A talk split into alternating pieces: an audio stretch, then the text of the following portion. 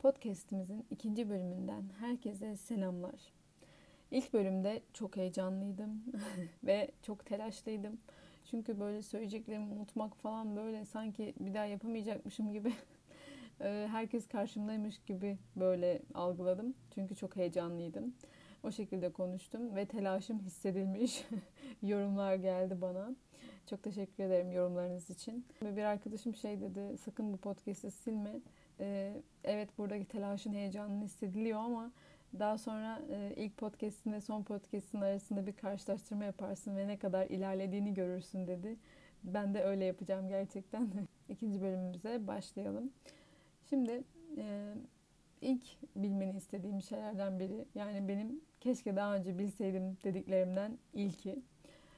E, benim sosyal anksiyetem vardı ve herkesin gözü üzerimde zannediyordum. Çünkü böyle o sosyal anksiyete size onu yapıyor. Herkes sizi inceliyormuş gibi hissediyorsunuz. Herkesin gözü sizin üzerinizdeymiş gibi hissediyorsunuz. Ve ben dışarı bile çıkamazdım. Yani dışarı çıkmak benim için böyle azap gibiydi. Çünkü çok korkutucuydu benim için dışarı çıkmak. Herkes beni yargılayacak, herkes bana kötü bakacak, beni inceleyecek, hakkımda şöyle düşünecek. Böyle e, korkularım vardı. Çünkü bunu yapıyor yani bu. E, ve şunu anlasaydım keşke o zaman diyorum. E, düşündüğüm kadar insanların umurum, umurunda olmadığımı bilseydim diyorum. Çünkü gerçekten öyle. Düşündüğümüz kadar asla insanların umurunda değiliz. Biz sadece böyle algılıyoruz. Keşke bunu daha önceden bilseydim. İşte utangaç olabilirsin, sosyal anksiyeten olabilir. İnan bana dışarıdaki insanların o kadar umurunda değilsin. Gerçekten bak. Bir ikincisi de şu. Gerçekten değer görmek ve takdir edilmek olduğumuz halimizde olanmış. Bunu da yine keşke daha önce bilseydim diyorum. Neden bunu diyorum? E, çünkü ben 20 yaşımda böyle kendimi sevdirmek için uğraşıyordum. O zamanlar böyle sevgiye aç bir kız çocuğuydum çünkü. Olduğun halinle sevildiğin zaman gerçek sevgi oluyormuş.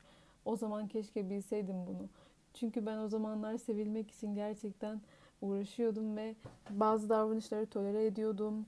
İşte böyle bazı saygısızlıkları aynı şekilde böyle yani sindirmeye çalışıyordum. Hiç tepki verme, vermediğim zamanlar oluyordu.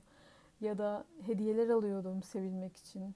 Yani aslında değişmek zorunda kaldığın ortamlar, bu sahte ortamlar sana gerçekten değer veren kişiler ya da ortamlar değil.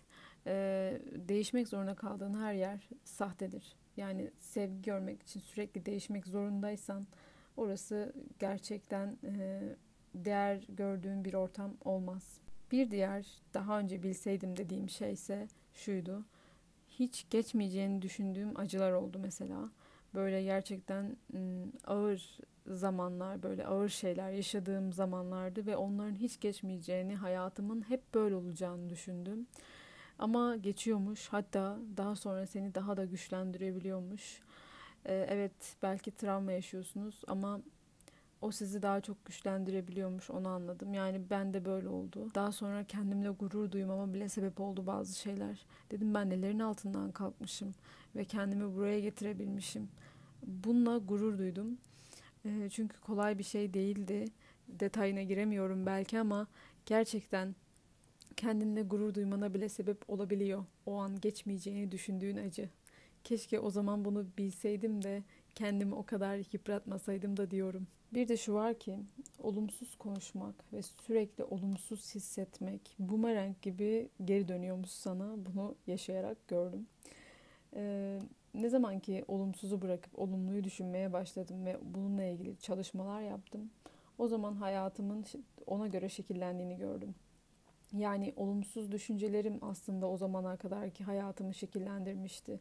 Evet dış koşullar tarafından yaşadıklarımı kenara koyarsam tabii benim de kendi hayatım üzerinde e, yapmam gereken şey olumsuzu çekmek değil de onları olumluyla değiştirmekmiş. Yani uzun bir süre böyle olumlu düşünce yapısına geçtiğim zaman o olumlu düşünme egzersizlerini işte e, kök inançlar egzersizlerini yaptıktan sonra dedim ki keşke bunu daha önce keşfetseydim. Çünkü hayatımın şekillenmeye başladığını gördüm ya.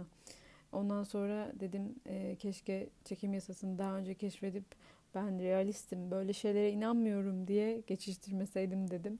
Ee, yani bu bir noktada gerçekten yardımcı oluyormuş. Çünkü bilinçaltını sürekli olumsuzla doldurduğun zaman yani zaten orada yeni kök inançlar oluyor. O da olum, onlar da olumsuz oluyor zaten.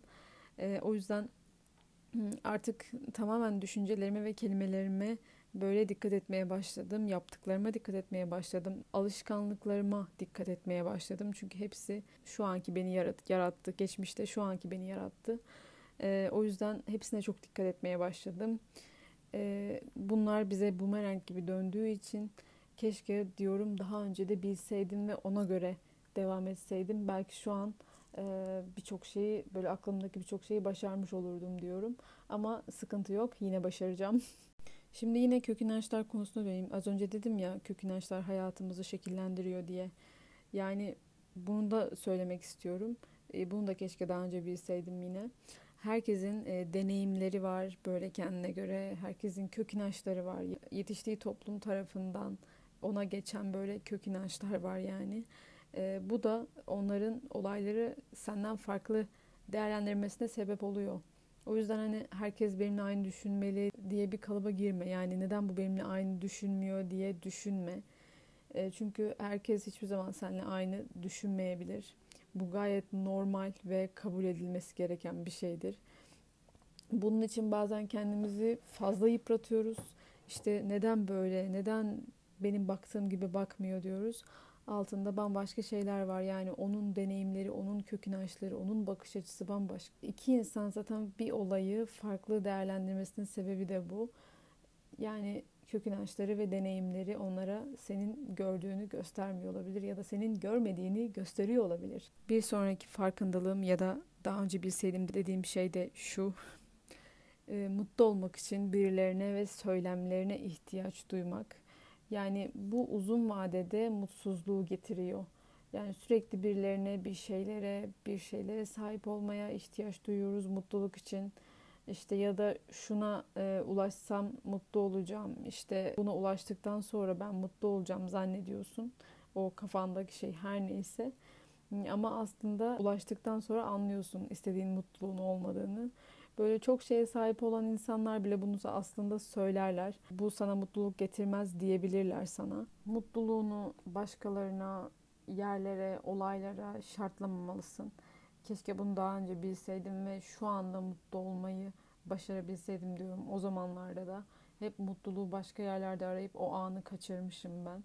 O andaki mutluluğu kaçırmışım aslında. Çünkü zaten hayat böyle küçücük anların, böyle küçücük mutlu anların toplamı yani baktığın zaman. Hatta Osho'nun bu konuda çok güzel e, sözleri var. Birkaçını söylemek istiyorum sana. Mutlu olma arzusu basitçe tam şu an mutlu olmadığını gösterir.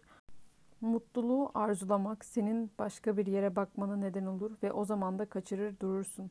Mutluluk yaratılacak bir şey değildir. Mutluluk sadece görülebilecek bir şeydir. O zaten mevcut. Tam şu anda mutlu olabilirsin.'' Engin bir biçimde mutlu olabilirsin. Çok sevdiğim bir sözü de şudur. Mutluluğun başarıyla bir alakası yoktur. Mutluluğun hırsla bir alakası yoktur. Mutluluğun parayla, güçle, prestijle hiç alakası yoktur. O sana bağlıdır. Şimdi bu söze katılmayanlarınız olacaktır. İşte para mutluluk getirir diyenleriniz olacaktır. Tabii ki para hayatımız için gereklidir bu arada. Yani hele ki günümüz koşullarına bakınca ben gereksiz olduğunu asla söylemiyorum. Ama şöyle bir şey var ki tamamen mutluluk demek değil yani. Sadece e, bir araç. Bunu anlamamız gerekiyor. Yani sen mutluluğu bunlara şartlamaman için bunu söylediğini düşünüyorum bu sözü. Bizi bu derece hırslı yapanın toplum olduğunu, kıyaslama olduğunu anlatıyor bizlere. Bence de çok doğru. Toplum çok doyumsuz ve bizi de e, zamanla bu hale getirebiliyor tabii ki. Hatta şunu da diyor. Sadece insan mutlu değildir. Çünkü insan gerçekle değil hırsla yaşar. Hırs bir hiledir. O zihnini başka bir yöne çekmek için bir hiledir sembolik hayat gerçek olanın yerine geçmiştir diyor. Bunu da yine eklemek istedim son olarak.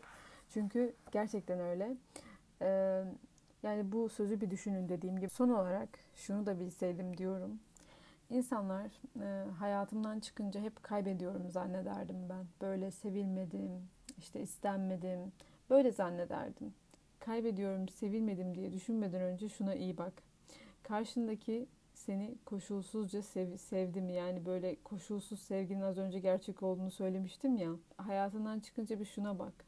Bazı insanlar sadece senden yararlanmak için, e, faydalanmak için yanında duruyor olabilir. Yani sırada sırf yalnız kalmamak için duruyor olabilir. Yani sen geliştikçe, kendine değer verdikçe, kendi hayatına odaklandıkça belki de bu karşındakinin hoşuna gitmiyor ve o yüzden senden uzaklaşıyor ya da seni dışlıyor ve seni terk ediyor diyelim yani. Böyle şeyler yaşıyorsan e, senin yaşamına uygun olmayanları hayatından eliyorsun demek. Bu aslında üzülebilecek bir şey değilmiş. Bunu da sonra anladım ve keşke yine daha önce bilseydim dedim. Söylemek istediklerim bunlardı. Umarım bu podcast sana birçok şey düşündürür ve birçok farkındalığı edinmene sebep olur. Bunlarla birlikte hayatına daha iyi yön verebileceğini düşünüyorum. Umarım sana da yardımcı olur. Kendine çok iyi bak. Yorumlarını bekliyorum. Instagram hesabıma yazabilirsin. Nurgül Yılmaz adıyla da bulabilirsin beni. Fikirlerini, yorumlarını bana yazarsan çok mutlu olurum. Kendine çok iyi bak. Hoşçakal.